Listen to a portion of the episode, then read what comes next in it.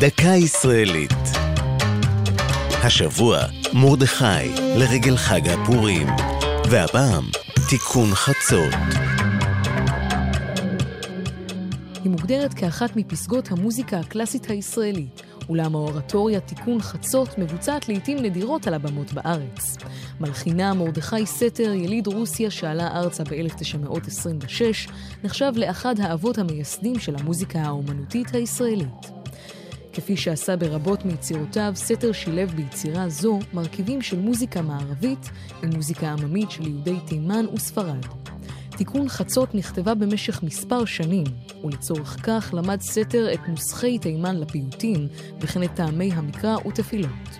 את תמליל היצירה כתב מרדכי אחר, המשורר מרדכי טביב, שליקט מקורות מתפילת תיקון חצות, מאגדות חז"ל ומהתנ"ך. גרסתה הסופית, שנכתבה לשלוש מקהלות, הוקלטה בשנת 62 בטכניקה מיוחדת, שבה שרו וניגנו בנפרד המקהלות, ההרכבים הכליים והקריינות.